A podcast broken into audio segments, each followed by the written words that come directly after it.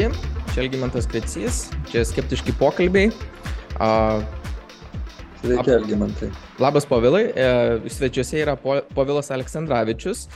Mes kalbėsim šį kartą temą apie pluralistinę visuomenę. Pakalbėsim, kas tai yra, kas per konceptas, e, kas čia per e, teoriją, kas už to slypi ir kaip Povilas tai mato, kaip jis į tą temą nu, įsitraukęs, kaip jis veikia, nes man atrodo jo tokioj pilietiškai išreiškiamoj nuomoniai, tai gana aiškiai atsispindi, kad jis kažkaip mato šitą konceptą. Tai galbūt tiesiogiai ne visada taip įvardina šiais žodžiais, o gal jis kažkaip kitaip įsivaizduoja. Tai e, Povilas yra filosofijos mokslų daktaras, Mykolo Romerio universiteto profesorius, domisi įvairiomis žmogaus sampratomis, e, Europos tapatumo klausimais, globalizacijos procesu, religijos ir politikos filosofijomis, įvairiomis dvasinėmis žmonijos tradicijomis. Tai tas matosi iš tikrųjų tikrai ir iš jūsų viešų, viešų straipsnių, kuris išsakot na, savo, savo nuomonę, ar jūs kažką dadėtumėt galbūt, galbūt yra kažkas naujo, kur jūsų interesų kažkoks fokusas krypsta ir kažkas, kas yra jums įdomu šią, šią dieną. Na tai, kai, kai domiesi žmogaus sampratomis, tai visada atsiranda kažkas, kažkas naujo. Man šią dieną man pats įdomiausias mąstytojas, kur man prieš 2-3 metus man čia buvo didelis gyvenimo atradimas, tai yra prancūzų mąstytojas Henri Bergsonas. Ir dabar jo filosofija gilinuosi, man atrodo, jo, jo išvesta uždaros ir atviros visuomenės koncepcija ir kaip jos yra įsišaknyjusios kiekvieno iš mūsų mąstymę, sąmonėje arba sieloje, kaip jis pasakytų. Man, aš nežinau, ar kažkas gali būti aktualesnio už tai karo kontekste, ES e, globalizacijos kontekste, įvairių žmogaus, na, žmogaus, e, žmogiškų krizių, ekonominės krizės kontekste. Man, man tai, tai, tai va čia tas, sakykime, naujovė tokia Henry Bergsono filosofija. Mhm veikiausiai jūs paminėsit irgi tam tikrų aspektų, ką, ką, ką ten atradote ir, ir vėliau. Paminėsiu, taip, paminėsiu. Tai skeptikų, skeptikų draugiai šitą temą pluralizmo o, yra įdomi, nes o, o, skeptikai yra tie, kurie reaguoja į tam tikrus įvykius e, visuomenė, kvesionuoja paranormalius reiškinius, a, tačiau tuo pačiu metu a, mūsų visuomenė yra žmonių, kurių, kuriems tie paranormalūs, sakykime, kažkokie reiškiniai, tikėjimas Dievu ir panašiai yra jų nu, visos esybės kažkokia širdis, ant kurios jie stato savo gyvenimą, savo pažiūras, tiek politinės, tiek, socia tiek socializuojasi grindžiant jomis. Tai ir gaunasi tam tikros tokios įtampos. Ir kai mes mhm. kalbam apie demokratinę a, santvarką, pluralistinę visuomenę, ir atsiranda toks suderinamumo įvairūs klausimai, kaip mes čia viską suderinam ir ar, ar esam suderinę, kur čia galim e, krypti, galbūt čia nieko derinti nereikia, reikia įvesti kažkokį tai e, diktatą ir viską padaryti labai vienodą ir tada nebeturėsim tų problemų. Daug, daug, daug skirtingų minčių plaukia aplinkui, bet gal aš vat, e, skaitydamas ir jūsų straipsnius irgi tokius tris raktinius žodžius irgi pastebėjau, jūs dabar dar vieną filosofą paminėjot, bet akvinietis atvira visuomenė ir mąstymo etika pastoviai kartojasi jūsų toj viešoji mintyje, kuo šitie terminai yra susiję ir kaip jie jūsų tam laukia matymę skleidžiasi. Taip, na, na jūs pradedat nuo Tomo Akviniečio, tai Tomas Akvinietis, aš irgi nuo jo pradėjau savo, savo filosofijos studijas, teologijos studijas, galima sakyti, mano toksai intelektualinis, intelektualinis formavimas, jis prasidėjo su Tomo Akviniečiu, Toma, ir, na, Tomas Akvinietis, kaip žinote, yra žymiausias viduramžių filosofas, Tačiau studijuodamas Tomą Akvinietį, ypač, ypač Prancūzijoje, aš jį atradau visiškai kitokį, negu kad jis yra pristatomas, negu mūsų populiariuose įvaizdžiuose. Kaip beje, atradau ir visiškai kitokius viduramžius. Mes iš, iš viduramžių ir iš to paties Tomo Akviniečio esam padarę kažkokį baubą, kažkokius tamsius amžius. Kai tuo tarpu viduramžiai ir Tomo Akviniečio filosofija, čia galėsiu va, tuoj, tuoj detaliau kažką pristatyti yra visai kitokia. Apskritai viduramžiai va čia mūsų, mūsų tokiam populiariame įvaizdėje jie atrodo lyg kažkokie tamsus amžiai. Tai įsivaizduokim, kad po kokių 700 metų e, populiari visuomenė apie 20 amžių irgi kalbės panašiai, sakys, nu jau nebuvo baisesnio amžiaus už 20, kadangi buvo Aušvicas, žudynės, genocidas, buvo buvo Stalinas, buvo Hitleris, nieko nėra baisiau už 20 amžių. Jie sukūrė atominę bombą ir numetė ant dviejų Japonijos miestų dvi atominės bombas. Nieko negali būti baisiau už 20 amžių, tik pats juodžiausias, kraugeriškiausias amžius ir šitie po 700 metų kalbėsiantys žmonės, ne neprisimins, kad 20 amžius tai yra taip pat demokratijos amžius, žmogaus teisų amžius, e, didelio mokslinio progreso amžius, ES kūrimo amžius. Jūs turite omeny, mes įsivaizduojam amžius. tokį platų konceptą, platų terminą, kurį uždedam tai, vienam laikotarpiui ir. Tai mes, mes va šitaip va, įsivaizduokim, kad kažkas taip kalbės apie 20 amžių, tai lygiai tas pats yra įvykę su viduramžiais kadangi jūs manęs užklausėte apie Tomą Kvinietį, tai, tai, tai, va, tai, tai su Tomo Kviniečiu ir viduramžiais 18 amžiui Volteras yra padaręs va šitą operaciją. Tai yra, e, tai yra juos pavertęs kažkokiais tamsiais amžiais. Na, iš tiesų, e, Tomo Kviniečio filosofija yra be galo gyva, labai tokia šviesi. Ten yra tokie du mane labiausiai dominantys konceptai. Tai yra aktus esendi ir intelektus racijos skirtis. Ir aktus esendi yra buvimo aktas. Tai yra kad kiekvienoje būtybėje kiekviename daikte kiekviename žmoguje vyksta vyksta nuolat atsinaujinanti buvimo energija. Tai yra kiekviename iš mūsų kiekviename daikte vyksta kiekvieną akimirką čia yra laiko konceptas kažkas naujo kažkokia naujovė. Mes matysim kad mūsų tematikai pliuralistinei visuomenei tai yra nepaprastai svarbu. Todėl kad jeigu mūsų pagrinduose kiekvieno daikto pagrinduose gamtos pagrinduose įvyksta kažkokia radikali naujovė kurią dar paskui reikia pažinti, mes jos nepažįstame. Tai vadinasi, viskas yra labai dinamiška, viskas keičiasi, viskas, nieko mes negalim uždaryti kažkokius baigtinius konceptus, suprantat, nes e, ta homogeniška visuomenė tai yra realybės sustabdymas. Jūs manęs klausite apie tai, kas, e, kas e, ir, ir šiaip sakėt vat, prieš mūsų pokalbį, kad kokia būtų pluralistinės visuomenės apsauga, tai pluralistinės visuomenės apsauga tai yra dinamika. Tai yra, tai yra sugebėjimas pasipriešinti tai mūsų proto tendencijai viską uždaryti į kažkokius ten 3-4 konceptus, žodžius, savokas, pasakyti, kad tai yra tiesa ir pasakyt kad tai yra baigtinė tiesa amžina tiesa nekintanti tiesa ir taškas. Ir visi turi gyventi pagal tai. Jeigu kas nors nenori pagal tai gyventi juos reikia apšviesti. Jie klysta.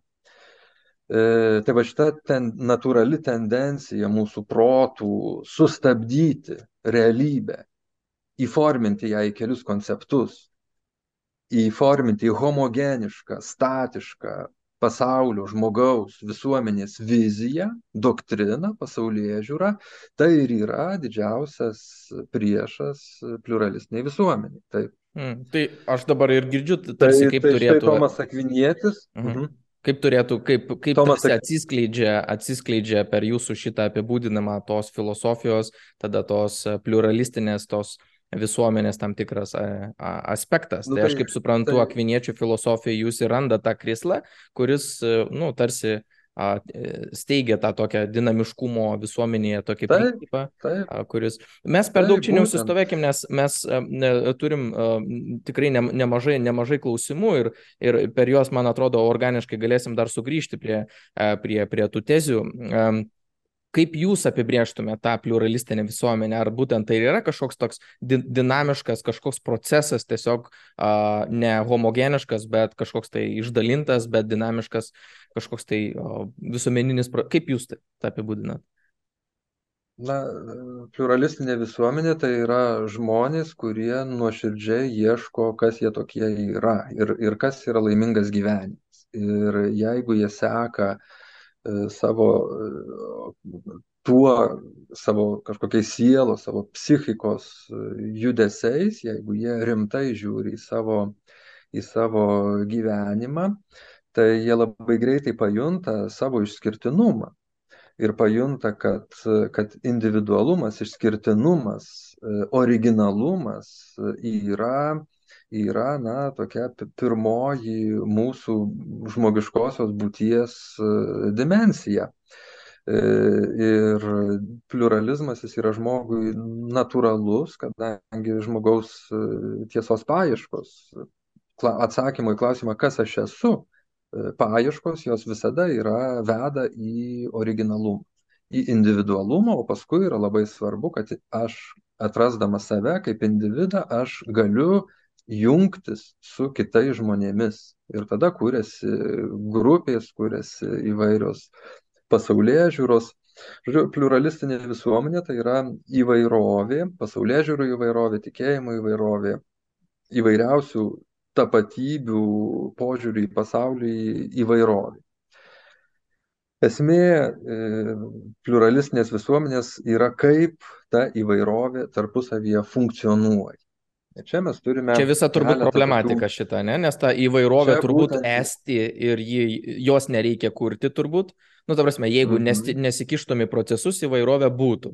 Tada yra klausimas, kaip ta visuomenė reguliuoja turbūt tą įvairovę, būtent, kiek ji būtent, toleruoja, priima, jungia ją, skirsto, e, kam e, leidžia būti e, įvairiems, kam neleidžia būti įvairiems. Na, taip. taip. Mhm.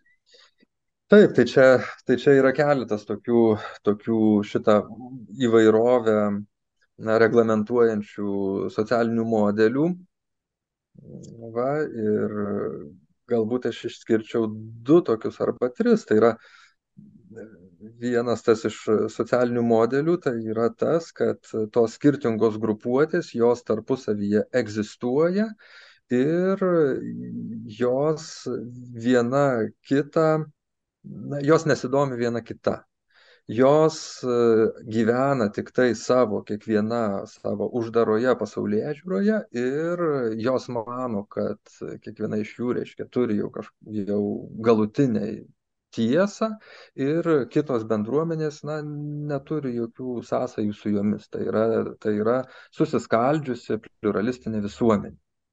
Ai, tai iš e, principo yra įvairi, bet dialogo kažkokio tai apsikeitimo ir kažkokios didesnės migracijos tarptų grupių nevyksta.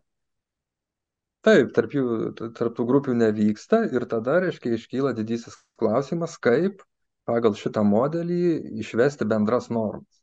Nes visuomenė tai yra viena, visi gyvena toje pačioje valstybėje. Kaip reiškia išvesti e, bendras normas.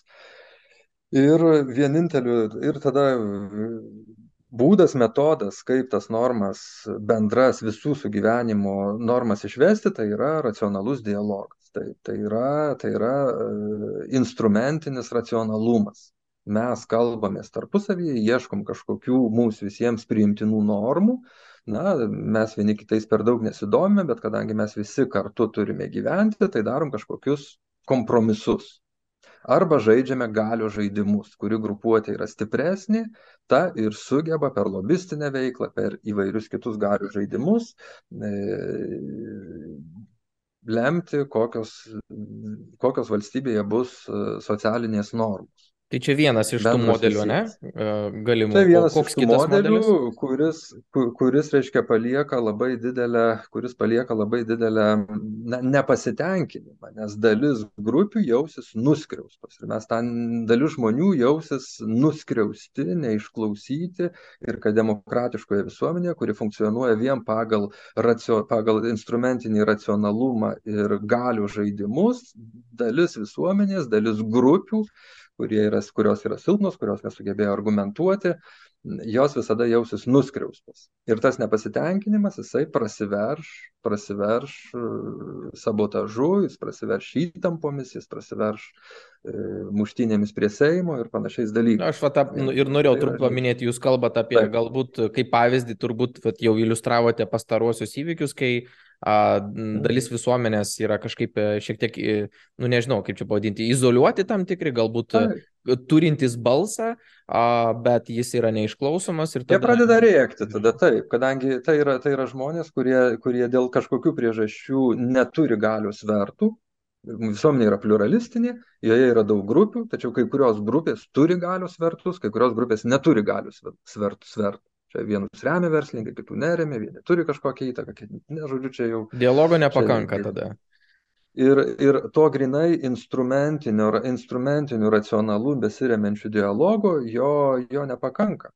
Nes visada liks tokių, kurie nesugeba dalyvauti tame tokiame dialoge, jie nesugeba racionaliai mąstyti, jie nesugeba, jie neturi pakankamai iškalbos, jie, jie, jie jausis neišklausyti ir jie jausis atstumti. Nu, ar dar va, ar, va, galima dar imituoti dialogą, kai yra dialogas yra, be bet galios vertai vis tiek įgyvendina savo, nu, kažkokius tai tikslus. Ja. Taip, taip, taip, taip. O koks tas kitas modelis tada bus? Kitas, kitas modelis tai yra empatiška visuomenė.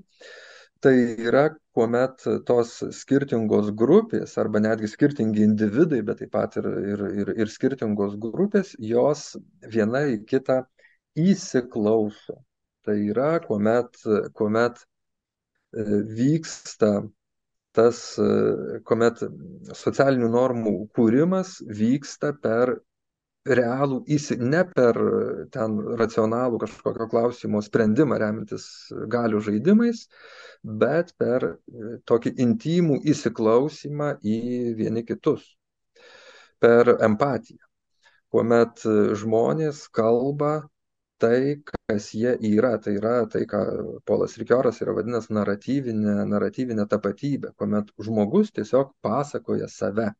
Mes turim Lietuvos pasakojimą, ten kažkokie Lietuvos totoriai turi pasakojimą, Lietuvos ortodoksai turi savo pasakojimą, LGBT visuomenės nariai turi savo, savo pasakojimą, E, visi visuomenės nariai tiek individualia, tiek kolektyvinė prasme turi intymų pasakojimą, per kurį jie išreiškia save, tai, ką jiems skauda, tai kokių, kokių tikslų, ko jie laukia iš gyvenimo. E, Kokie šio modelio yra privalumai trūkumai? E, šio modelio privalumai yra, yra, yra tokie, kad tuo met yra išvedamos realios socialinės normos, kurios kompromisai tada yra realūs, nepaliekantis nepasitenkinimą. Kada, sakykime, mes klausomės LGBT žmonių intimių jų gyvenimų pasakojimų, mums e, pradeda skleistis ne kažkokia ten teorinė tiesa apie žmogaus prigimtį, bet mums pradeda skleistis gyva tiesa, gyvi žmonės, gyvi jų poreikiai mums tada tampa akivaizdu, kad šių žmonių, kaip ir invalidų, kaip ir moterų, kaip ir, nes moteris buvo pamintos, kaip ir kita taučių, kaip ir kita, kita, kitos odos spalvų, istorijoje visko buvo. Tai vis, visų šitų žmonių teisės, visų šių grupių teisės jie išsikovojo tik tai tada, kada jie ėmė pasakoti apie savo gyvenimus. Ne, niekada nebuvo kažkokios teorijos, kad štai viskas prasidėdavo ne nuo teorijos, bet nuo Tai šiuo atveju pavyzdys galbūt geras būtų, pavyzdžiui, tų pačių Romų e, integracija, taip. tam tikros socialinės kampanijos Romų integracijos. Nu, pavyzdžiui, ten vykdomi kažkokie tai sustikimo vakarai, kažkokie kultūriniai renginiai, kurie skirti būtent e, e, Romų kultūrai, susipažinti su jais ir panašiai. Ir per tą mes galim nu, kaip sakyt, pajausti tą kultūrą, įsiprasminti Pajausti. kažkaip tai, suprasti. Pajausti. Bet šitoje vietoje, kaip jūs, kaip jūs apgintumėte tas, tą dalyką, kad jeigu jūs sakot per istorijas, ne, kitaip sakant, kaip mes jaučiamės, Taip mes ir formuojam tada tą bendrąją politiką pagal tai, kaip mes jaučiamės. Ne pagal kažkokius loginius sprendimus daugiau, bet pagal tai, kaip jaučiamės ir pagal tai, kokią istoriją mes papasakojam, kaip mes jaučiamės. Kokia iš to problematika gali kilti, tarsi, kaip su istorijų pasakotojais, ar mes negrįžtam į tam tikrą tokį laikotarpį, tokiu atveju, kai kas įtik, turi geresnį oratorystės meną ir įtikinamesnį istoriją papasakos, tas ir šitas širdelės šitoj vietoj ir susirenka.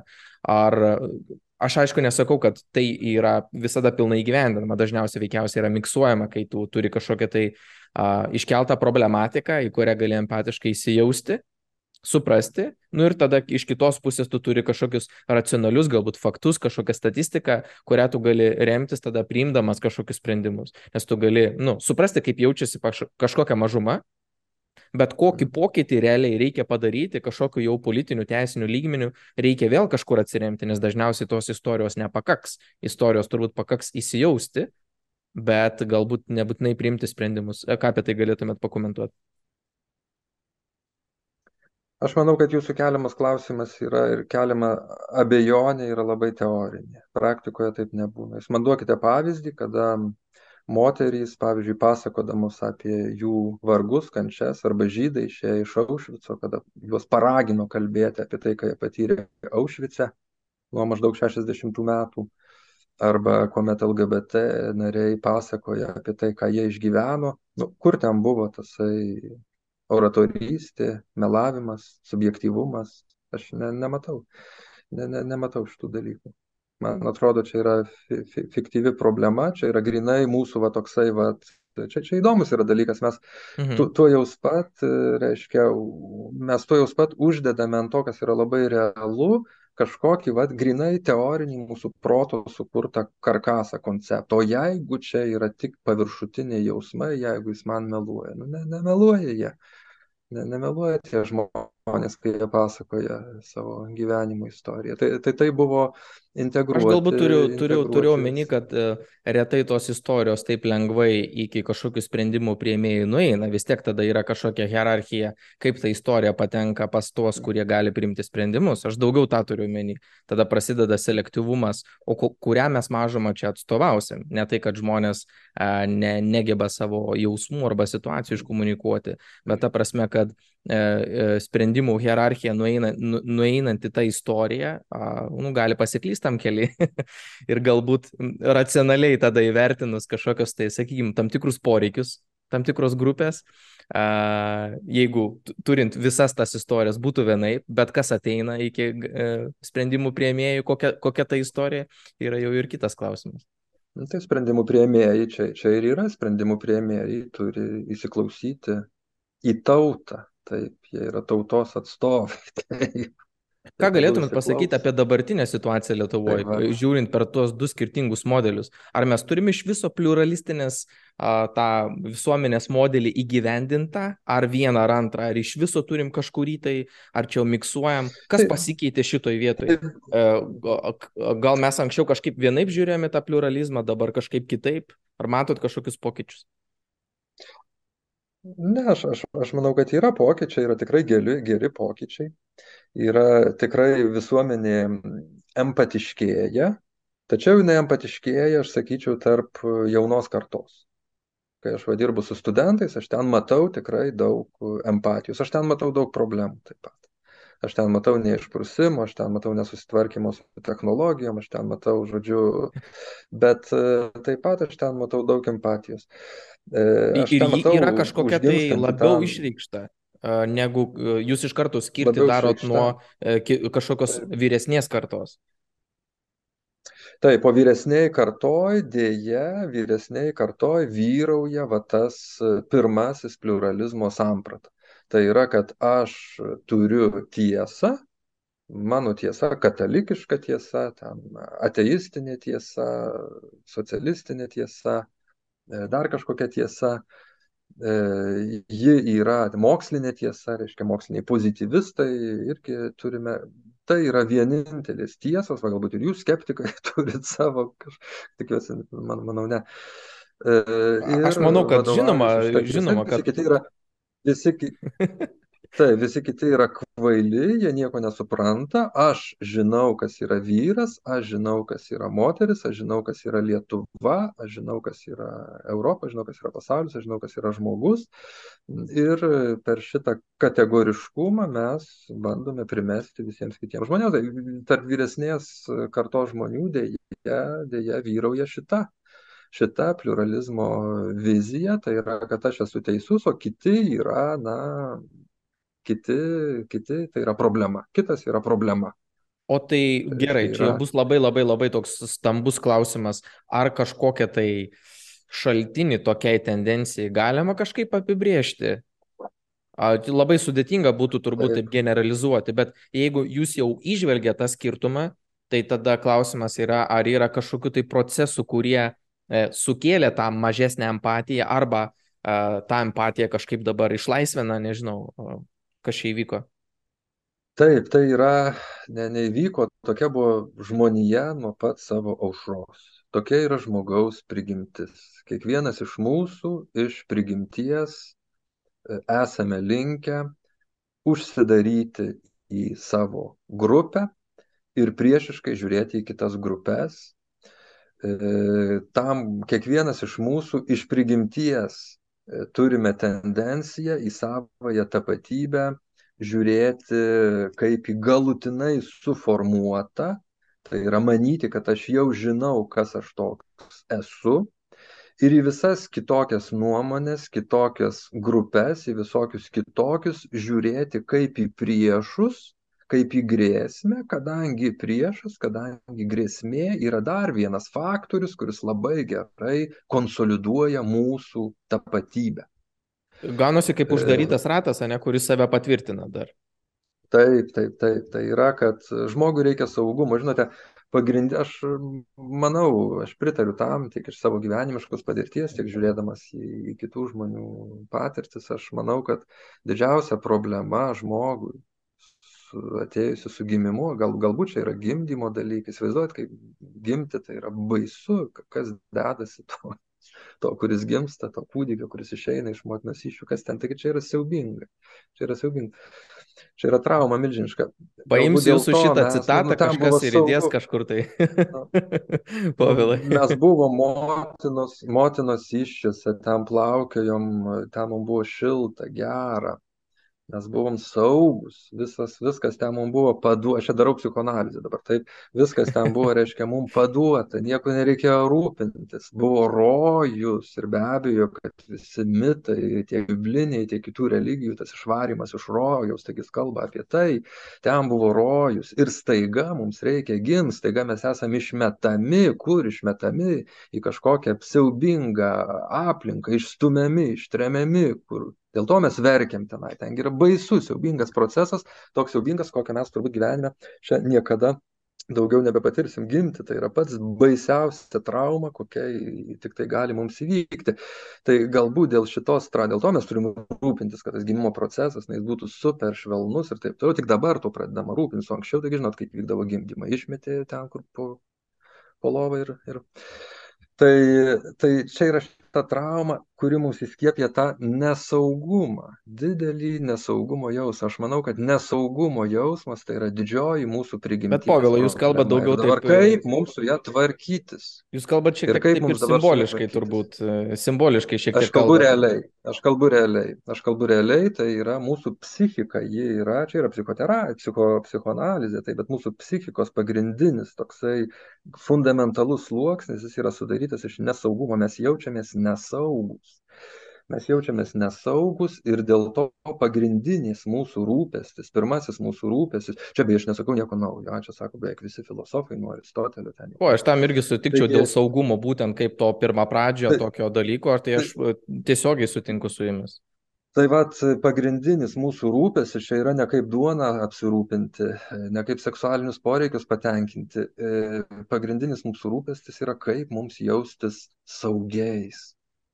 Ir kaip mes jaučiamės saugiais yra labai labai elementaru. Saugiais mes jaučiamės tada, kada mes įs- įsiliejame į minę.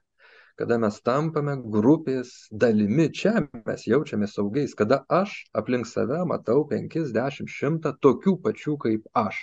Šitas priklausimas miniai, priklausimas tokiems patiems kaip aš, štai kas yra didžiausią saugumą teikiantis dalykas. Tai yra lyg sugrįžimas į motinos įšės, apie tai Žanas Žakas Ruso, e, visa filosofija kalba apie tai. E, Taigi įsiliejimas į minę tai yra tai, kas mane labiausiai apsaugo. Tačiau dabar, kaip funkcionuoja šita minė, šita minė funkcionuoja per vienodumą. Vienodumas mane sekurizuoja, vienodumas panaikina mano šitą vat, prigimtinę prigimtinį nesaugumą, kada yra visi tokie patys kaip aš, mes visi lietuviai, katalikai, besilaikant mūsų, mes žinome, kas yra tiesa, tiesa išreiškiama ten trim keturiom dogmom ar konceptais, štai mes viską žinome, mes esame vienodi. E, ir dėl to susitapatinę su šitą homogenišką visuomenę mes pasijaučiame labai saugus. Ir, ir veikiausiai čia toks kaip... Kur yra problema?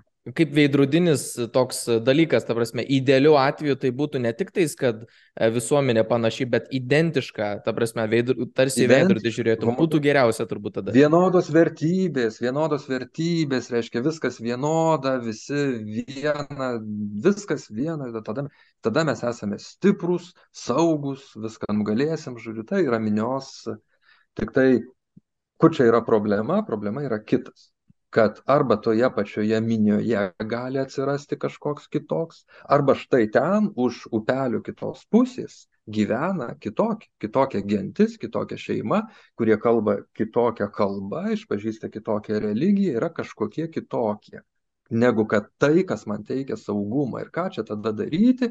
Ir tada vėlgi ta prigimtinė, mano prigimtis, tas saugumo poreikis, jisai padaro, kad aš į tą kitokį žiūriu kaip į priešą, kaip į tą, kurį reikia nugalėti, kaip į, kaip į e, grėsmę. Ir grėsmė dar labiau konsoliduoja. Grėsmė yra dar labiau konsoliduoja homogeniškumą. Jūs pasižiūrėkite, kaip reiškia, e, kada Putinas paskelbė, kad pasaulis yra e, Ukraina remia, reiškia, visas pasaulis per Ukrainą nori kariauti prieš Rusiją, štai kaip rusai susikonsolidavo, taip ir jie, reiškia, čia yra siaubas kaip fašistai priešas priešo figūra yra tai kas teikia saugumą nes konsoliduoja. E, priešo figūra yra grėsmė yra tai kas konsoliduoja ką galima apkaltinti. Priešas yra tai ką mes apkaltiname visomis galimomis ir esamomis negandomis. Ir tai mus dar labiau vienyje ir sekurizuoja. Jeigu mums kažkas yra blogai tai žiūrėkit ten yra priešas taip, žydas, katalikas, e, šiitas, sunitas, e, yra kažkoks kitoks gėjus, taip, e, kurį mes apkaltinsime dėl visų mūsų ištikusių negandų, visas tas negandas, nelaimės, blogas jausimas, blogas jausenas sumesime, suprojektuosime į tą auką ir tada tą auką nužudysime ir tada pasijusime dar labiau, pasijusime išsprendę savo problemą ir pasijusime dar labiau konsoliduoti, vieningi ir saugus tam tikram laikui, kol mūsų šitą šlikšti prigimtis vėl mums nepagimdys kažkokių rūpeščių, problemų, kurios pareikalaus naujos aukos, naujo, ką, naujo kurį, priešo, kurį galėtumėm apkaltinti. Taip tai ką aš jums pasakoju? Aš jums pasakoju labai universalų prigimtinį mechanizmą pagal kurį funkcionavo žmonija nuo pat kaip rodo levi stroso tyrinėjimai ir visų kitų antropologų tyrinėjimai. Šitas mechanizmas kurį aš jums pasakiau e, juo funkcionavo žmonija nuo pat nuo pat aušros nuo pat pradžių ir tai yra tendencija į antipliuralistinę visuomenę į homogenišką visuomenę į visuomenę kuri yra vienoda ir kuri ieško priešo ir kuri prieš prieš priešą bando nužudyti ant jo sukrovusi jį suprojektavusi visų savo nelaimių priežastis. Tai yra kaip renė žiraras kalba apie atpirkimo ožio mechanizmas apie tai kalbame. Taip tai yra čia mes jį galim patvirtinti bet kur va tai kas vyksta rusijoj dabar su putinu ir jo paskelbtą karą tai yra tipiškas tipiškas šio mechanizmo išraiška su visais karais buvo taip. Tai karas sukelti karą tai tai yra noras būti saugiam. Tai žmonija taip funkcionavo ieškodama saugumo per karą per bet kokio kitokio likvidavimą eliminavimą taip žmonija funkcionavo visais laikais. Tokia yra mūsų prigimtis ir šita prigimtis ji ji iki pat mūsų dienų na ji tarpo sovietų sąjunga buvo tipiška šios prigimties išraiška. Ir katalikų bažnyčia ilgą laiką buvo būtent tokios prigimties išraiška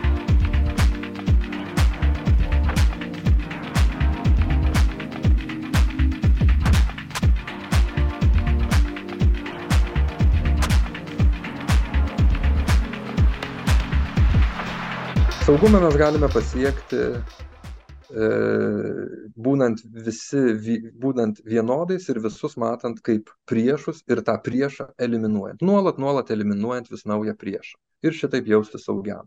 Taip žmonė funkcionavo visada. Ir saugumą mes galime pasiekti, kada mes imame pažinti kitą, o koksgi jis yra iš tiesų tas kitoks. Įsiklausyti į kitą. Ir tada mes pamatome, pamilti kitą. Ir tada mes pamatome, kad jokios grėsmės nekelia. Kad nei žydas, nei gėjus, nei moteris, nei indienas, e, iš tiesų jie, ne juodaodis, iš tiesų jie grėsmės nekelia, jie mūsų vaikų korumpuoti neketina, nei Romas, nei Čigonas. Ir nėra į ko jų bijoti ir šitai pajusti saugumą. Ir va čia mes E, suteikiame pagrindą pluralistiniai visuomeniai. Tai yra pluralistinė visuomenė, tai yra ėjimas prieš prigimtį. Tai yra ėjimas prieš tą baisę prigimties tendenciją, prieš karo instinktą, prieš tą baisę prigimties tendenciją e, surasti ir nužudyti priešą. E, Jūs, Povilai. Pažinti priešą ir pamatyti, kad jis visiškai ne priešas. Mm. Jūs, Povilai, e, minit ir savo e, viešuosiuose pasisakymuose būtent tą tokią liberalizmo, e, tradicinių religijų tam tikras pozicijas, kaip, nes skeptikų bendruomenė irgi yra toks aktuolus klausimas dėl valstybės ir bažnyčios atskirimo, principo laikymasis teisėkuroje ir aplamai valstybės valdyme, pluralizmo principas. Ir jūs nemažai kalbate apie a, tradicinių religijų ir ypatingai a, katalikų Romos bažnyčios tam tikras a, pozicijas ir liberalizmo suderinimą. A, kokią problematiką čia matote? Ar yra čia kažkas naujo? Mes girdim daug įvairių pasisakymų, kaltinimų iš, iš, iš įvairių pusių, bet ar čia yra kažkas naujo iš esmės, kas, kas įvyko, kas vyksta dabar?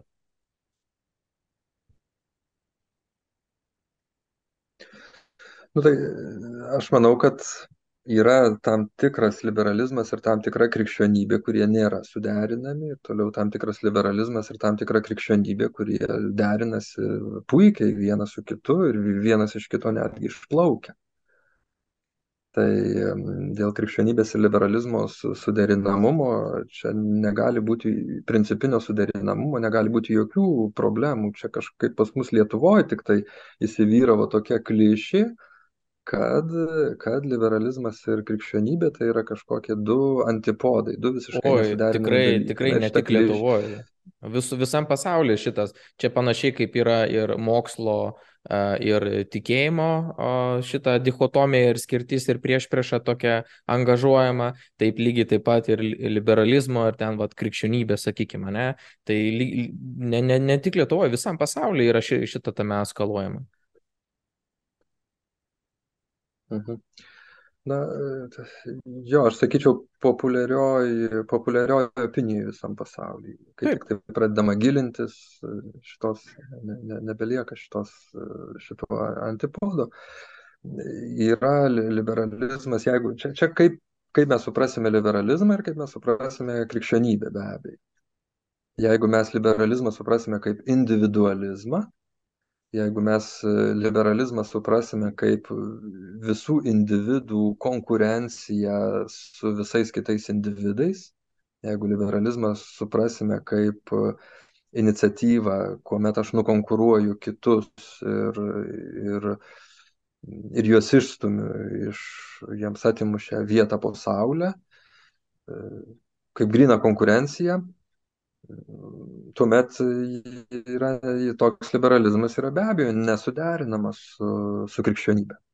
Bet liberalizmas gali būti, nežinau, kaip, kaip Dvorkino liberalizmas ar, ar ten krikščioniškasis liberalizmas, kuris sako, kad, kad mano laisvė, mano realizacija visada ir gali įvykti tik tai, kuomet aš ją realizuoju kartu su kitais kuomet yra ne, ne konkurencija, bet bendradarbiavimo paradigma. Tai jeigu mes kalbam apie tokį liberalizmą, tai jisai pilnai yra suderinamas su krikščionybė. Bet vėlgi ne su bet kokia krikščionybė, ne su dogmatinė krikščionybė, ne, ne, tiksliau pasakius, ne su dogmatistinė krikščionybė, ne su ta krikščionybė, kuri pretenduoja konceptualiai žinoti galutinę tiesą, bet su ta krikščionybė, kuri teigia, jog Dievas yra begalinis, žmogaus prigimtis yra nepažinta mes ją pažįstame labai labai menkai kaip sakė tomas akvinietis šiame pasaulyje mes net ir musės prigimties negalime pažinti. Taigi jeigu krikščionybė yra suvokiama kaip ne kaip kažkokią konceptualią tiesą visiems pri, bandanti primesti instanciją, socialinę instanciją, bet kaip žmogaus polėkį skatinanti žmogaus kūrybą skatinanti e, energija, e, kuri įveda į gyvą kontaktą su tai, kas vadinama e, asmeninė begalybė, dievu, begalinė gyvybė, gyvybingumu, tai tokia pamatinė energija. Jeigu mes krikščionybę suprasime kaip šitaip, tai ji iš jos, ji ir, liberali, ji ir liberalizmas tampa praktiškai sinonimai čia nematau jokios, jokios problemos dėl to. Tai šių, šių pastarųjų, sakykime, tokių socialinių opių klausimų o, a, fone, tai kas kalba tada iš tikinčiųjų pusės? Tas dogmatinė pusė, fundamentalioji, kuri a, kalba, sakykime, aš, abortų, aš manau, kad tema, Lietuvoje, tai teisų kalb... ir panašiai. Ka, ka, kas tai yra tas balsas? Čia institucija kalba, ar aš čia manau, kalba pavyzdžiui? Kas čia kalba? Kai, kai yra kalbama apie, apie abortų draudimą ir, ir, ir panašius dalykus, taip. Nu, taip, tai sakykime, civilinė santoka, abortų draudimai, a, įsivaikinimo klausimai, a, galybė, galybė kitų, kas čia kalba, ta prasme, čia institucija, kitaip sakant, tą nuomonę taip iškalkuliuoja ir išneša ir po to, sakykime, kažkokia liberalesnė pusė gal visuomenės tada puola tuos a, tikinčiųjų atstovus arba institucijos atstovus, nes jie taip a, dogmatiškai galbūt prieina prie tokių klausimų, ar čia vis dėlto bandoma, než... kas čia vyksta iš tikrųjų, nušvieskit. Mhm. Na tai e, čia vyksta, čia yra tam tikra e, teologinė pozicija tam tikrais, tam tikrais klausimais. E, be abejo, ir, ir, ir, ir bažnyčia ją atstovauja, tą savo nuomonės išsako. Dabar. O ką jį veikia viešojo opinijoje?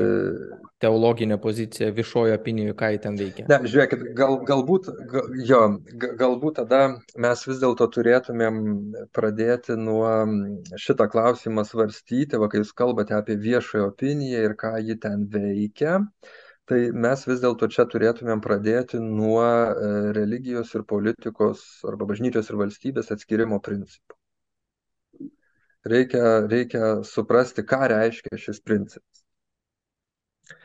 tai yra labai svarbu beje jis yra kilęs iš krikščionybės jis yra jis krikščionybės yra reikalaujamas jis krikščionybės yra yra yra įtvirtintas mūsų europinėje demokratinėje civilizacijoje.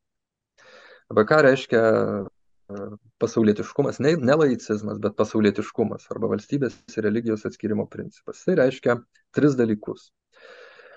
Pirmas dalykas tai kad e, politikai neturi teisės kištis į žmogaus vidų. Nei Anglijos karalienė, nei prezidentas Nausėda man negali pasakyti, ką aš turiu, kokią pasaulyje žiūrą man išpažinti. Kaip, pavyzdžiui, Putinas tai daro, taip, Rusija. E, iš kito, tai, tai kitą dalyką, kuris reiškia šis principas, jis reiškia, kad bažnyčia arba bet kokia kita religinė konfesija, ji neturi teisės reikalauti, kad būtų priimami įstatymai pagal jos turimas religinės nuostatas.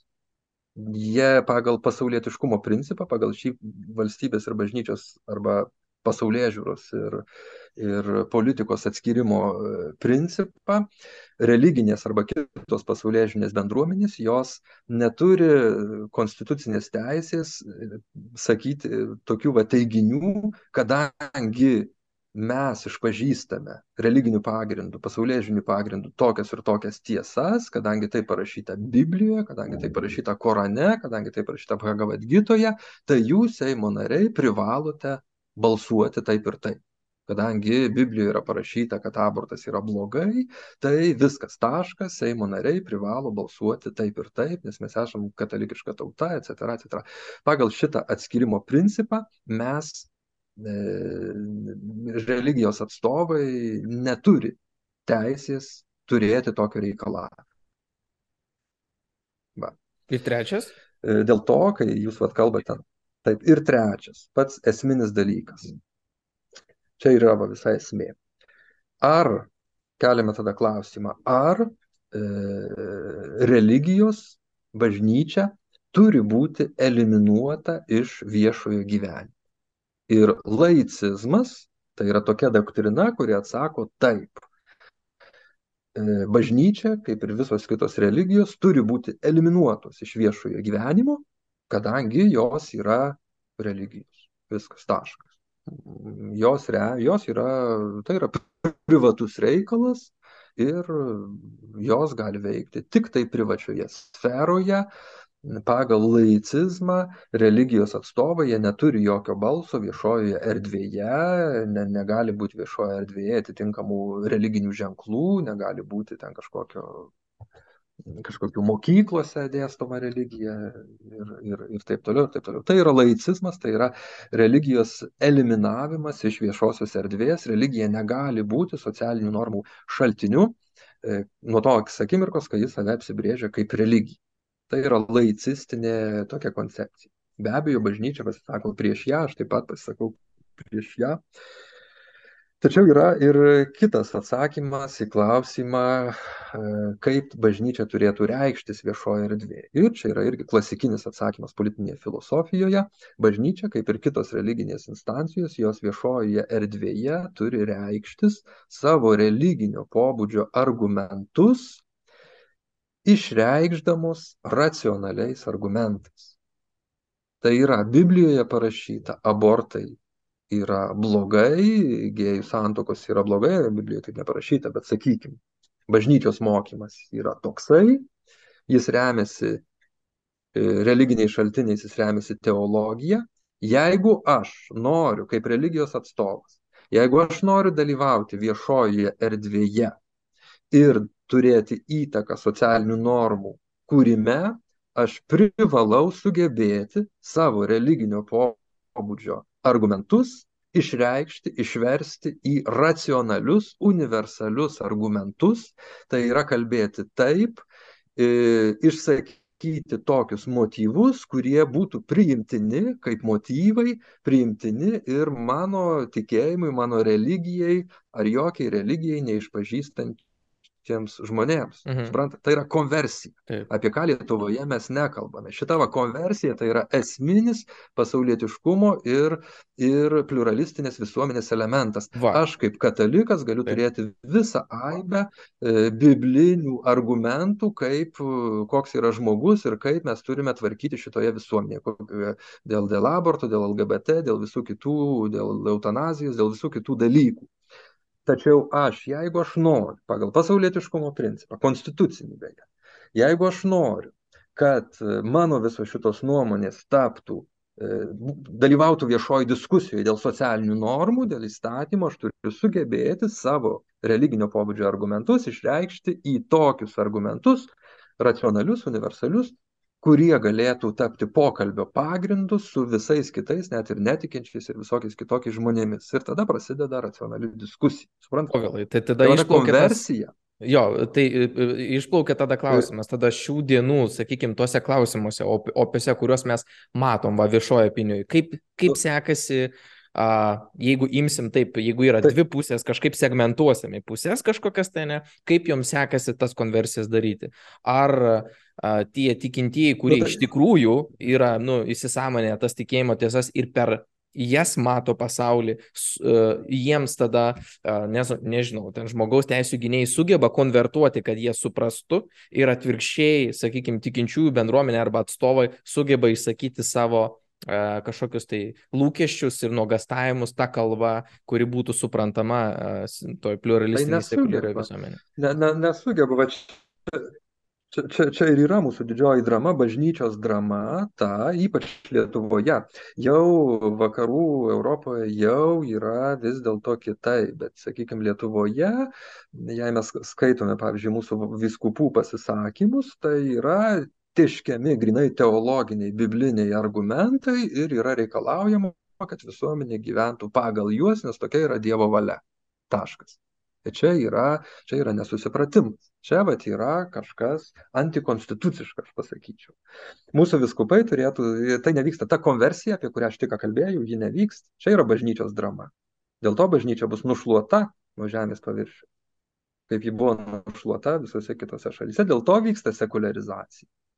Tai yra tai yra bažnyčios atstovų nesugebėjimas e, biblinių, Bet... religinių e, argumentų išreikšti racionaliais, universaliais e, argumentais. Bet sekularizacija tai vyksta netolygiai per skirtingas ir... religijas arba, sakykime, naujosius religinius judėjimus, įvairias kitas mistinės praktikas. Tai sekularizacija yra labai, nu, ne vienas buvo šitam podcast'e pašnekovas, kuris neigia būtent šitą tezę. tezę tai jeigu žiūrint iš ten Romos katalikų, galbūt vat, kažkokiose šalyse ta sekularizacija vyksta, bet ji nevyksta bendrai įmant visas kitas pasaulyje žiūras ir įsitikinimų sistemas. O, tai manot, o ne, ne, čia vyks, vyksta tik tai. Sekuliarizacija vyksta tik Europoje, be abejo. Sekuliarizacija Ar, vyksta tik Europoje. Jo, tai grįžtant dar prie to konvertavimo tos kalbos, tai galbūt dar išplėskite, jūs sakot, kad čia yra viena didžiausių tų problemų, kad nemokama iš, išsakyti, bet kas tada, okay, gerai, tai kas tada pasikeitė? ar a, žmonių kalba a, pasikeitė kažkokia, kad jie nes, ne, nesupranta to, te, te, tos te, teologijos kažkokių tai minčių, negali jas, pri, e, kažkokių tai tezių negali jas pritaikyti, ar kaip, kaip, kaip čia tai viskas tai įvyko, ta prasme, ar lūžis kažkoks tai, ar čia... Ne... Kodėl būtent dabar nesugeba jie iškomunikuoti pasaulietiniai visuomeniai? Jie pradėjo nesugebėti to iškomunikuoti maždaug nuo devyniolikto amžiaus nuo aštuoniolikto devyniolikto amžiaus. Matote kas buvo iki maždaug aštuoniolikto devyniolikto amžiaus na iki sekuliarizacijos taip pradžios. E, bažnyčios tai ką bažnyčia pasakydavo remdamasi grinai religiniu racionalumu bibliniu bibliniais ir religiniais argumentais, e, pagal tai ir vyko socialinių normų kūryba. Nereikėjo tos konversijos. Nereikėjo tos konversijos. Ir visi žmonės su tuo sutiko, visi tai priėmė. Bažnyčia pasakė, taip turi būti. Dabar jūs klausėte, kas įvyko. Kas įvyko, kodėl staiga žmonės pradėjo nepriimti bažnyčios nuomonės kaip kaip e, gyvenimo, vienintelio gyvenimo normų šaltinį. Įvyko tai, kad atsirado kitas autoritetas. Įvyko tai, kad į šitą e, socialinių normų šaltinio vietą atėjo kitas šaltinis, kurį mes vadiname nacija, kurį mes vadiname tauta, valstybė nacija, tautinė valstybė. Ir šitie du elementai bažnyčia ir valstybė nacija ėmė tarpusavyje konkuruoti dėl socialinių normų šaltinio e, statuso. Mhm. Vienintelio mhm. socialinių normų šaltinio statuso. XIX e, amžiuje mes matome šitą kristalizaciją ir šitą konfliktą. Prieš ką piestų stojasi ten Pijus IX su savo silabijusiais ir, ir, ir taip toliau, ir taip toliau tai e, pamažu pamažu žmonėms jau ne čia čia galima čia toliau reikėtų kalbėti labai detaliai žiūrėti technologijų poveikį žiūrėti čia čia labai įdomūs procesai pradeda vykti bet čia reikia žiūrėti labai detaliai mes to negalim čia dabar turbūt padaryti Bet e, Tai jūsų atsakyti jūsų klausimą, kodėl staiga žmonės pradėjo. Taip. Tai turbūt suprantama yra šita priešprieša tarp valstybės kaip institucijos, kuri formuoja, reguliuoja ir nustato, ir tada bažnyčios kaip institucijos, kuri irgi reguliuoja, nustato, atlieka įvairias funkcijas ir jos tada pradeda konkuruoti. O... Žmogui mhm. reikia, kad jam kažkas pasakytų, kaip reikia gyventi. Visą laiką tai darė bažnyčia. Nuo kažkurio, nuo kažkurio momento, ir čia būtų labai įdomu įsigilinti, kodėl taip įvyko, e, atsirado kitas autoritetas, kaip, kuris man sako, kaip, kaip, kuris žmonėms sako, kaip jiems reikia gyventi. Tas autoritetas tai yra pasaulietinė valstybė, valstybė nacija. Tarp jų vyksta konfliktas. Ir be abejo, valstybė nacija laimi. O aš vieną klausimą irgi buvau pasirašęs, kuris at, irgi uh, susijęs su su, su ta situacija bendra, nežinau, kiek jūs įsigilinęs, bet, sakykime, jūs vat, perėjom gana organiškai į tai, kad nacija perėmė tą, tą, tą funkciją. Moralinio autoriteto, socialinių normų šaltinio funkcija perėmė naciją iš bažnyčios. Taip, taip, tai, tai aišku, žiūrėdami į tą žemėlapį pasaulio, sekdami, sekdami naujienas, gali matyti įvairių tų vektorių. Ir Aišku, čia yra daug, daug faktorių, kuriuos reikėtų vertinti, bet pluralizmo keliu eina ne visi. Ne visos Oi, nacijos eina. Ne. Mes, Ar mes čia aš... kalbėjome iki šiol tik tai, kas dėdasi Europoje. Taip, tai aš dabar kalbėdamas apie, sakykime, tokią kaiminę kaip Lenkija, nu, lab, subjektyvę labai savo nuomonę galėčiau pasakyti, kad ji neina tokiu, tokiu keliu. Visi indikatoriai, kuriuos aš galiu sukalkuliuoti savo, savo galvelį, man sako, kad ne, tai, tai nėra kaip ir Vengrija, pavyzdžiui, arba netgi ta pati, pavyzdžiui, Junktinės Amerikos valstijos.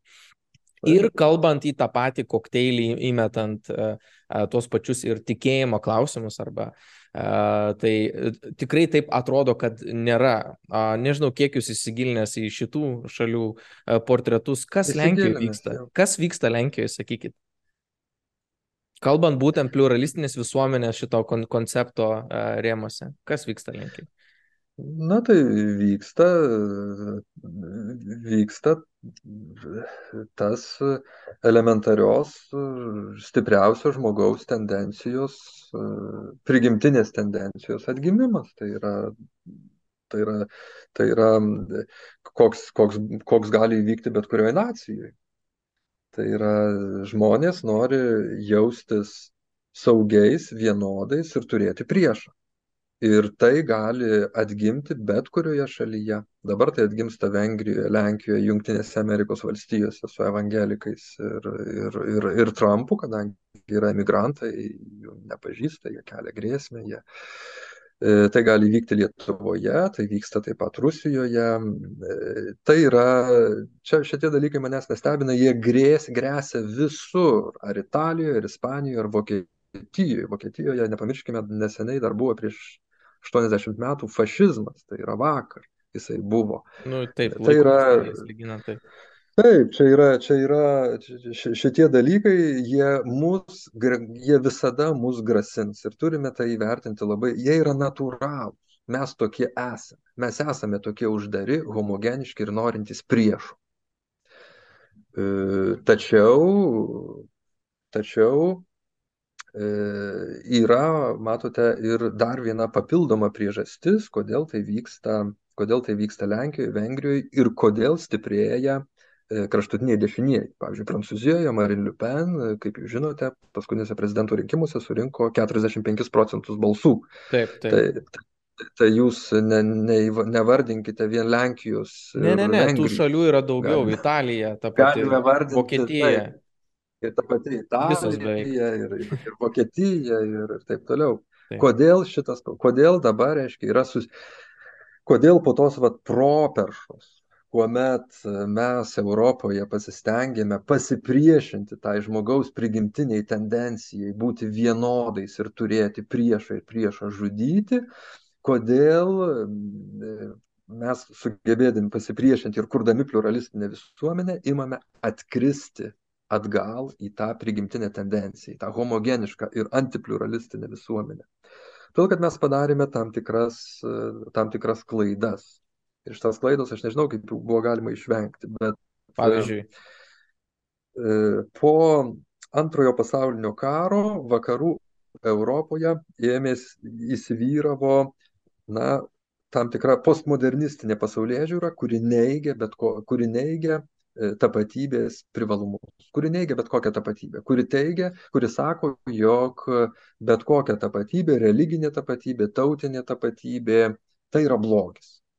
E, nacionalinė tapatybė, e, tai lemia kolonializmą, tai lemia karus, tapatybė kaip tokia yra bloga. Religija kaip tokia yra bloga. Nieko ten gero neieškokim, religija vien tik tai lemia karus.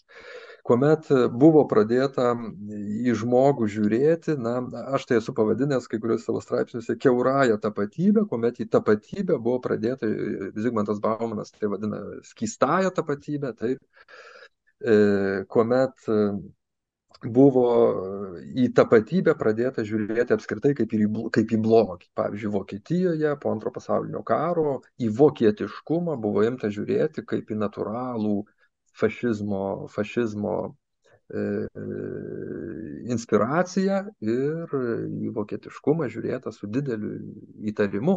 Prancūzai taip pat žiūrėjo į prancūziškumą, apie katalikiškumą ne, nekalbam, tai yra blogis, tai yra religijų sukėlėjas ir taip toliau. Dabar šitas tapatybės nebuvimas, šitas toks postmodernus bū, bandymas būti be tapatybės, su, vat, reiškia, tokia grinai žmogiška, grinai žmogiška, individualia kažkokiu gyvenimo būdu, be jokių tapatybių, jisai padarė, kad žmonės pradėjo jaustis, na, tušti, tarsi be gyvenimo gairių.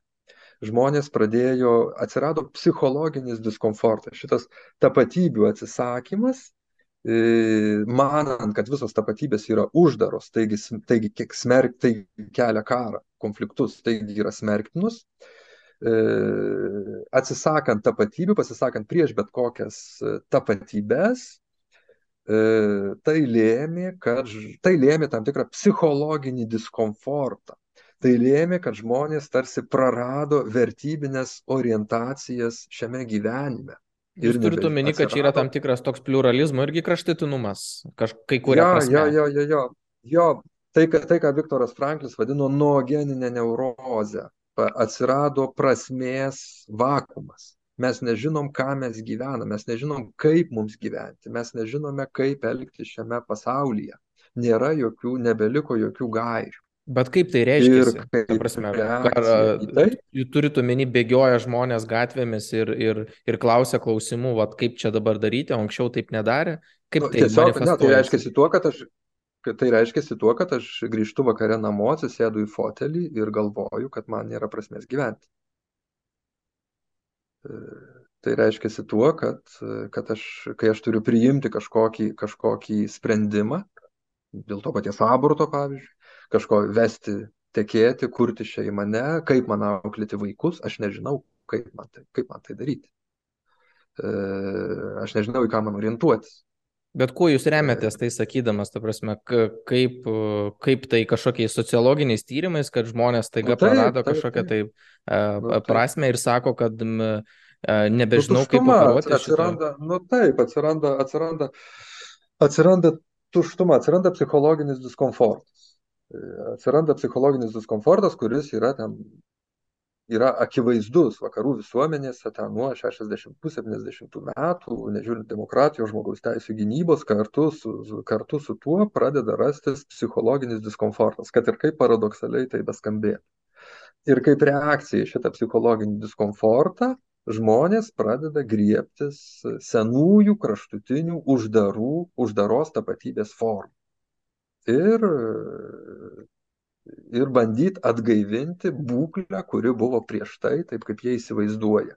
XIX amžiuje, dar anksčiau, ir taip toliau, ir taip toliau. Tai, ką mes matome Lenkijoje, Vengrijoje, Junktinėse Amerikos. Turite omeny e, e, suktis į istoriją ir, ir, ir gražinti kažkokius tai uh, konceptus, uh, kažkokius tai konceptus, kurie kažkada veikia, ta prasme, grįžti Na, prie jų. Tai, tai, kas bandyti atgaivinti dabar, kažkokį. Nu taip, tai kas dedasi dabar Vengrijoje, Lenkijoje, tai yra bandymas atgaivinti tas e, visuomenės gyvenimo normas, e, kurios esą egzistavo prieš e, prasidedant postmoderniai epochai. uždara, homogeniška visuomenė, kurioje viskas yra saugu, visi gyvena pagal tas pačias vertybės, visi yra laimingi, gražūs ir, ir visi sekmaniais vaikšto į bažnyčią su savo aštuoniais vaikais ir penkiolika proanūkių. Tai, tai, tai šita vat vizija, ji, ją bandoma, tai yra visiška fikcija, tai yra visiškos iliuzijos, bet kada žmonės jaučiasi nesaugus, kada jie jaučia gyvenimo beprasmybę, kada jie jaučia psichologinį diskomfortą, jie griebėsi elementarios saugumą užtikrinančios formos, kuri yra konservatizmas, kuri yra fašizmas, kuri yra, kuri yra homogeniškumas, visų vienodumas. Ką mes ir matom, ten Lenkijoje, Vengrijoje ir taip toliau. Kaip... Tai, tai, yra, tai yra, kada, mato, čia mes sukamės tam tikrame rate. Ta uždara tapatybė Europoje ji pagimdė tapatybės neigimą. Tapatybės neigimas jis pagimdė beprasmiškumo ir, ir psichologinio diskomforto būseną, dėl kurio žmonės vėl ima reikalauti uždaros tapatybės. Tai čia vienintelis išėjimas, gal tai kai, atvira kai, tapatybė. kai kuria prasme gal galima matyti ir tam tikrą tokį, nu, galbūt, nežinau, tokią gerą tendenciją, kur aš matau, kad e, tikrai labai daug žmonių dabar kalba apie psichologinę sveikatą, apie psichologinę būklę, e, imasi, imasi savo tos sveikatos, ko anksčiau, nu, tikrai nebuvo, bent jau sovietų laikotarpiu, nu, jau tikrai Taip, nebuvo. Ir kitaip sakant, Taip, matosi tikrai tendencija tokia, kad yra atsigrėžima į tą psichologinę sveikatą, kūriama visokie apsai, grupės, Taip. rateliai, paslaugos, ta prasme, yra šita industrija tiesiog labai labai labai stipriai vystosi. Ar, ar jūs pritartumėt, kad čia yra ta išdava tam tikra to, to laiko tarpio? Pritariu. Tiek, tiek uždaroji tapatybė, apie kurią mes čia kalbėjom, reiškia, visą laiką, tiek ta keuroji tapatybė, reiškia tas buvimas, bandymas būti be tapatybės, jos neša žmogui psichologinį diskomfortą. E, tas nuolatinės priešo paieškos, vienodumas ir, ir priešo žudimas, jis taip pat neša didelį psichologinį diskomfortą. Lygiai taip pat kaip ir ta keuroji tapatybė. Ir vienintelis, kuris iš tiesų gali žmogų psichologiškai ir dvasiškai, tai psichologiškai ir dvasiškai, na, suteikti jam išsipildymą, tai yra ta atviroji tapatybė. Tai yra meilė, tai yra savęs meilė, tai yra kito meilė, tai yra puoselėjimas to, kas aš esu, savo kalbos, savo, savo, savo kažkokių papročių, savo kultūros, tačiau kaip neuždarų ir kažkokį galutinę, e, kanoninę būseną pasiekusių fenomenų, bet kaip atvirų, kaip tų, kuriuos reikia kurti, kaip tų, kurie, kurie, kurie yra na, augantis, kurie nuolat keičiasi. E, ir va tada čia mes grįžtam to, prie to, ką mes kalbėjome pačioj pačioj pradžioje, kada aš puoselėjau savo tapatybę, savo kultūrą, savo ten tikėjimą, ką jūs tik tai norit, mokslą, kalbą, kada aš ją puoselėjau, bet tas puoselėjimas yra ne jų sustabdymas, ne jų įvedimas į statišką kanoninę būseną, bet atvirkščiai, sakydamas, kad juos reikia nuolat brandinti, nuolat auginti, nuolat perkurti, nuolat interpretuoti, nuolat, nuolat, kad jie būtų atviri, va toks gyvenimo būdas, jisai vienintelis atneša psichologinę ir dvasinę, dvasinį išsipildymą. Čia yra pluralizmo. Povilai, toks pagrindas. kolosalus darbas, nes čia tarsi dvi prieštaraujančios tokios pluralistinės visuomenės, tokios, nu, tokios tendencijos, kad saugumo poreikis e, skatina viską į sudogmatizuoti, viską aprašyti, viską e, e, įsimbolinti, o tarsi pluralistinės visuomenės modelis sakytų, kad sveikiausia būtų, kad viskas būtų taip labai e, paslanku. Ir Čia yra tas, du saugumo modeliai. Jo, ir Du saugumo. Mhm. tai e, e, ar, ar, ar Tai šitą, du skirtingai būdai, kaip žmogui pasiekti saugumą.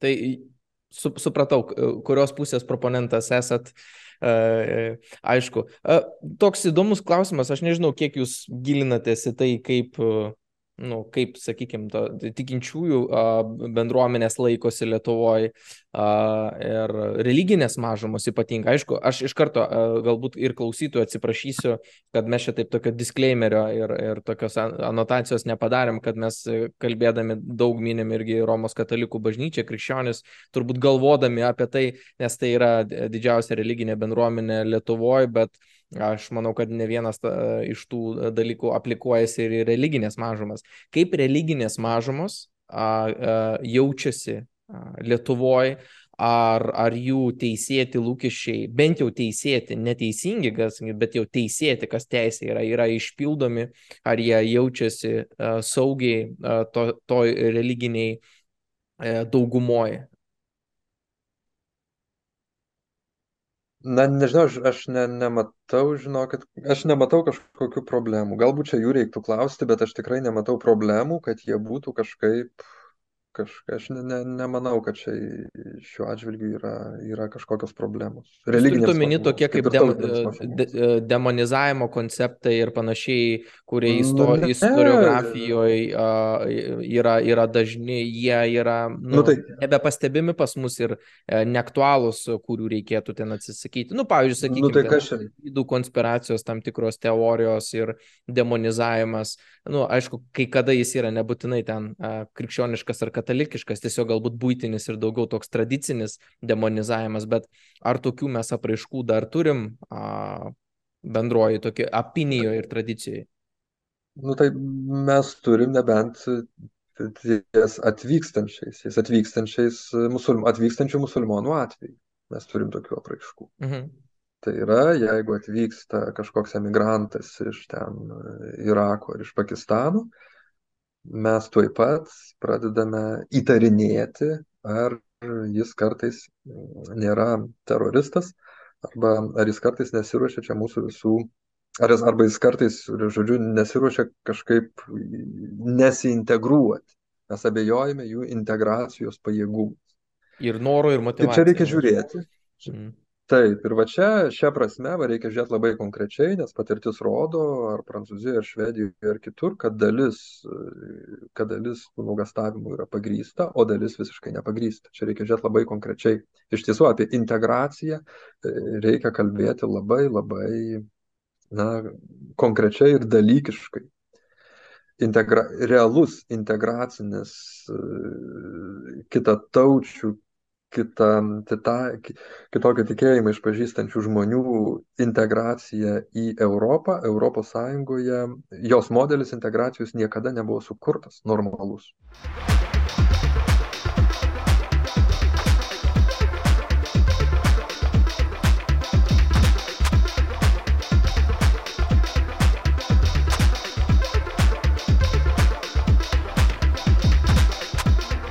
Povilai, užsim, užsiminėte apie tą integraciją kitataučių ir ypatingai, nu, kokius aspektus, ne, mes ten matom.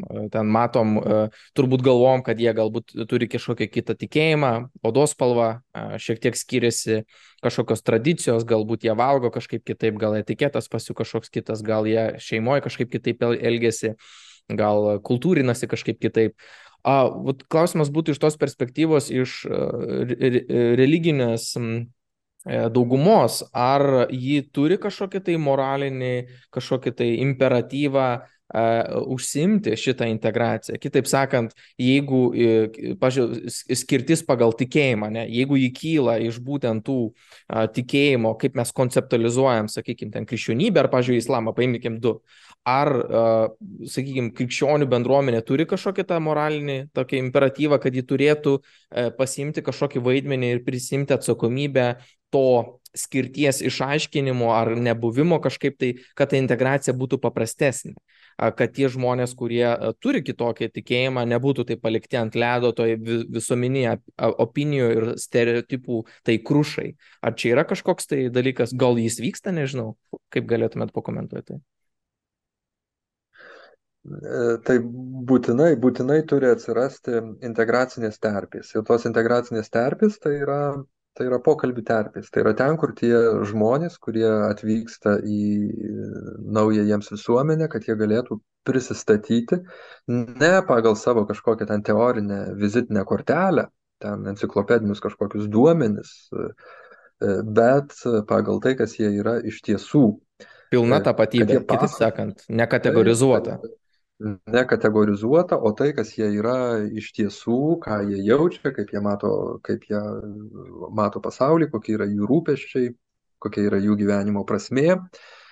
Ir kada jie įgauna galimybę kalbėti apie save. Ir kada kita pusė visuomeniai tai įsiklauso, jie pamato, kad pamato nuostabų sakyčiau, stebuklingą dalyką. Sakau, stebuklingą, nes šitas paprastas ir nuostabus dalykas kažkodėl niekada nebuvo suvokiamas. Kai mes įsiklausome į e, kitą žmogų, kuris nuoširdžiai pasakoja tai, kas jis yra, išnyksta bet kokia baimė ir bet koks priešiškumas. Ir mes galime su juo gyventi kartu ir kurti kompromisinės socialinės normas, išlaikydami visų skirtingumus ir visų skirtingas tapatybes. Mes dar daugiau, mes imame mokytis vieni iš kitų ir e, integruojame į savąją tapatybę kitokius tapatybės elementus ir taip ne tik, kad nepanaikiname, nepaneigiam savosios tapatybės, bet ją dar labiau subrandiname. Nu, taip, veikiausiai dažnu atveju mes nepasimam to, kas būtų, nu, kaip čia pasakyti, neigiamo, ne, ką mes, mes dažniausiai išvelgiam taip. kažką ir galbūt norim pritaikyti. Tai tas taip, e, turbūt taip, dialogas taip. gali būti ir toks kūrybiškas, ta prasme. Kūrybiškas dialogas, viena ugdantis dialogas, e, kada, kada aš matau, kad man yra nau, ne tik šiaip įdomu, bet ir įdomu, bet taip pat naudinga. Aš galiu praplėsti savo kaip krikščionio tapatybę, šitaip kalbu schematiškai, aš galiu praplėsti savo kaip krikščionio tapatybę, kada aš įsiklausau į tai, ką man sako, kalba apie savo tikėjimo musulmonas, bet jis taip pat. Ir mes abu išsaugome savasias tapatybės, tačiau jas išsaugome per, per brandindami per vienas kitą, per tarpusavio tą naratyvinį dialogą. Ne kada mes sukertam savo teorinės dogmas, čia iš karto bus konfliktas, bet kada mes kalbame apie savo išgyvenimus šitaip sakykim krikščionys integravo pavyzdžiui budistines budistines meditacijas. Tomas mertonas ir panašiai.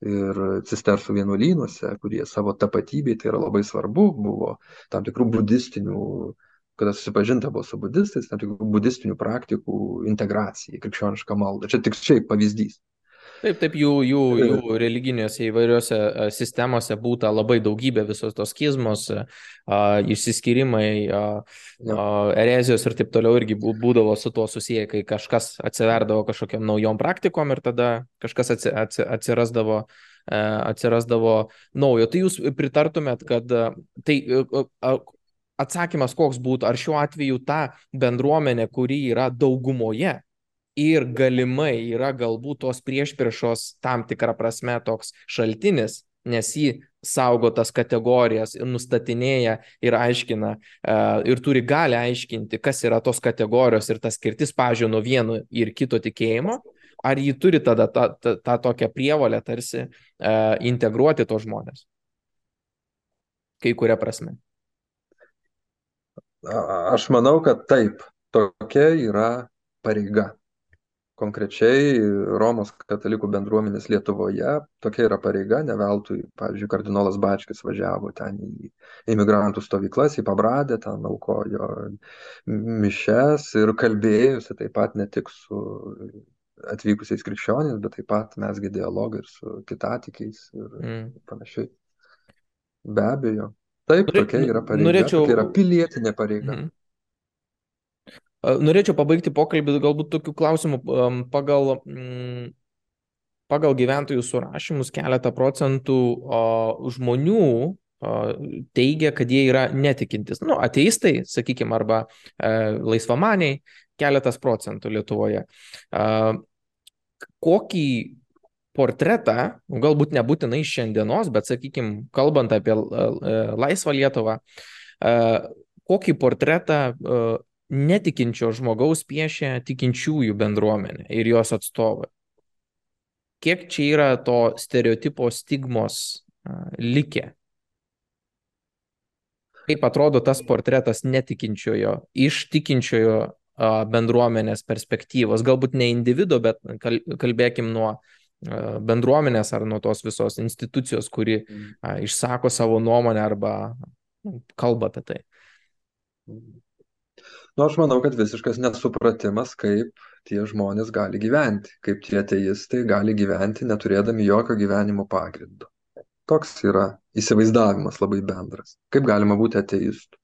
Tai kad paprastai žmonės, jie, jie reiškia mano, jog ateistas tai yra žmogus be jokio gyvenimo pagrindo. Aš pa, labai atsiprašau, kad pertrauksiu ir noriu pasitikslinti. Jūs kalbate apie statistinį tikintįjį, ar jūs kalbate apie bendruomenę? Apie statistinį. Atstovus? Apie statistinį tikintįjį, be mhm. abejo. Mhm.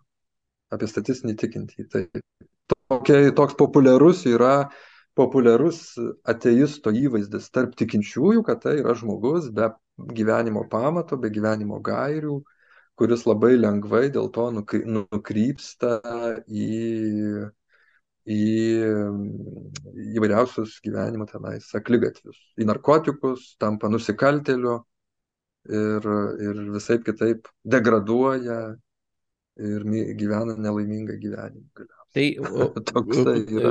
Ar aš gerai suprantu, kad jeigu, kažkokio jeigu tai manęs klausys, tai moralinio kažkokio tai stuburo arba kažkokio tai inkaro negalintis turėti žmogus, kitaip sakant, ne? Taip. Ir jis neturi nei iš kur kildinti moralės, nei pri, į ką įsitverti. Ir toks blaškomas vėjo asmuo. Taip? Taip, toks, toks yra to, statistinis tikintysis, taip dėja taip mato netikintį žmogų. Jeigu o... mes kalbam apie nestatistinį, o apie įsigilinusį į žmogaus prigimtį, e, tikintį, tai tas e, tikintysis jisai puikiai žino, kad Dievas, kadangi jis yra tikintysis, jis kalba apie gyvenimiškas energijas, taip, apie, apie, apie, apie dieviš, dieviškumą, kuris veikia kiekviename žmoguje, jisai tada žino, kad tasai dieviškumas, toji gyvybinė energija, tasai gyvybinis impulsas, jisai šiame pasaulyje gali reikštis labai labai įvairiai ir taip pat ir e, per netikinčiuosius. Ir kad netikinti žmogus, jisai gali atlikti e, moralius ir herojiškus aktus ir atrasti tiesą visiškai nepriklausydamas jokiai religijai. Geriausi pavyzdžiai, vienas iš senovės tai yra Sokratas, taip, kurį pirmieji bažnyčios tėvai, pavyzdžiui, šventas Justinas, laikė tikrų šventuoju, Sokratas nepriklausė ten jokiai religijai, nu tiesa, Sokratas lyg ir buvo, buvo tikintis, pripažino e, dievybę, bet jisai ne, ne, nepriklausė jokiai, jokiai religijai. E, šventas Justinas jį, jį laikė, na, tokiu kaip Kristaus provaizdžiu kaip Kristus mirė dėl tiesos, taip ir Sokratas mirė dėl tos pačios e, tiesos. E, dėl to IX amžiuje Sokratas Bizantijos bažnyčiose įvairiose, Sokratas buvo talpinamas šalia bažnyčios tėvų, aprengtas kaip bažnyčios tėvas. Dėl to Erasmas Rotterdamietis rašė laišką popiežiui, prašydamas popiežiaus įterpti visų šventųjų litaniją kreipinį, šventasis Sokratai, melskis už mus. Tai, tai čia aš jums Sakau, reiškia, kad e, iš e, brandaus tikėjimo pozicijų net žmonės, kurie nepriklauso jokiai religijai, jie gali būti dieviškai inspiruoti ir atlikti herojiškus aktus. Aš turiu pavyzdį dabar iš, iš mūsų jau laikų, tai Andrėjus Sakharovas, taip, mhm. kuris, kiek aš žinau, iš bendro išsilavinimo buvo ateistas, ir kuris turėjo tokį moralinį kompasą, kad jį galbūt galime, nežinau, aš nenoriu per daug pasakyti, galbūt aš nesu per daug įsigilinęs, bet mes jį galime galbūt laikyti tam tikrų na, šventuoju. E, bet kokiu atveju moraliniu, moraliniu didvyriu. Tomas Sudeika, buvęs svečiuose, pasakė tokią frazę, kad ateistam trūksta tokio kaip muzikalaus, tokio muzikalumo, kurie vat jie kažko tai nesupranta. Kitaip sakant, toks trūkumas tam tikras. E, tikintieji yra su tuo pliuso ženklu, kurie turi kažką tai, o netikintieji yra su minuso ženklu, kažko tai neturi kažko vat nepajauti. Ir jeigu tas muzikalumas tam tikras atsirastų dėl aplinkybių ar kažkokio atsiverimo, tai jis galbūt galėtų būti taip. Arba jis yra tiesiog, nu, toks prigimtinis, kurio tiesiog neduota. Ir vat visą gyvenimą žmogus su tokiu minusu pragyvena. Tai jūs kalbėdamas apie tą tokį įsigilinusio tikinčiojo perspektyvą, ar jūs irgi turit omeny, kad vat, tarsi aš išgirdau tarp eilučių, kad kažkas yra tokio dieviško, kurio tas tikin, netikintysis nu nejaučia, bet per jo darbus tai vis dėlto reiškisi. Ar jis yra daugiau, nu kaip sakyti, ar ten yra nulio e, to, toks simbolis, kur nu tiesiog kažko nėra. Ir autonomiškai žmogus, nu tiesiog vat, veikia, daro ir gali atlikti tokius pačius moralinius um, e, žygdarbius, kaip sakėt. Be, nors E, galbūt, vat, kaip sakot, pliuso ženklas būtų, kad ant jo širdies kažkas patepta yra, bet jis nežino, kad tai patepta yra ant jo širdies. Ir jis vis dėlto vykdo tos darbus, kad patepta, bet jis apie tai nežino, neturi tos klausos. Kaip jūs žiūrite į, į, į, į tai? Aš nežinau, ar čia, čia toks klausimas, bet aš norėjau, kad jūs patikslintumėt, ką jūs turite omenyje. Ar čia yra kažkoks pliuso ar minuso ženklas? Na, Aš manau, kad man labai patinka ritmo savoka, sodeika tai vadinam muzikalumu. Taip, taip, tai yra tas pats, reiškia, ritmas. Kai, kai, kai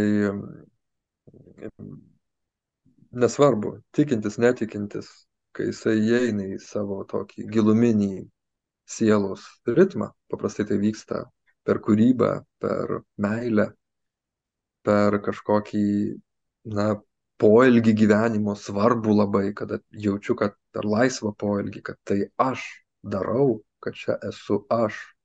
Aš tada patiriu savyje, per meno kūrinį aš galiu tą patirti, aš patiriu savyje tam tikrą tokį giluminį ritmą. Ir va tas giluminis ritmas, Sodeika sakytų muzikalumas, taip, man atrodo, čia Sokratas yra taip, man atrodo, kad jisai, kad jisai gali natūraliai nuvesti žmogų prie patirties, jis gali tiesiog, kuo labiau tas ritmas stiprėja, tuo labiau žmogui aiškėja, aiškėja, kad tas ritmas jau yra ne vien jo e, sąmonės ritmas, bet labai didelės kad tai yra kažkoks pamatinis ritmas, kuris duoda inspiraciją visam pasauliui, visam kosmosui.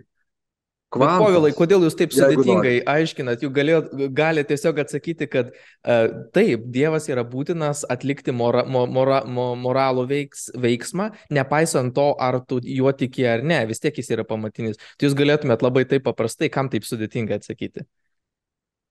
Nu, tai, Nes jūsų, tai, jūsų pateikta nieko... tezė praktiškai tą patį e, apibūdina, kad vis tiek kažkas yra tokio pamatinio, kuris vis tiek yra būtinas ir mes jį atrandam tik per kažkokį ritmiškumą, muzikalumą ir taip toliau. Ir tai yra vis tiek Dievas, ta prasme, tas, kuris yra aplinkui viską vienintis ir taip toliau.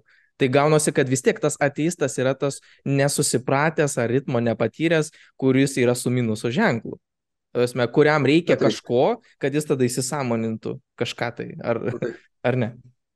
Nu, ne, aš, norė, aš vedžiau savo tą, tą samprotavimą, kuris, man atrodo, yra toks patirtinis. Jūs galite jausti tą, tą sakykime, patirdamas, pavyzdžiui, meno kūrinį e, arba, arba patirdamas meilę e, kitam žmogui.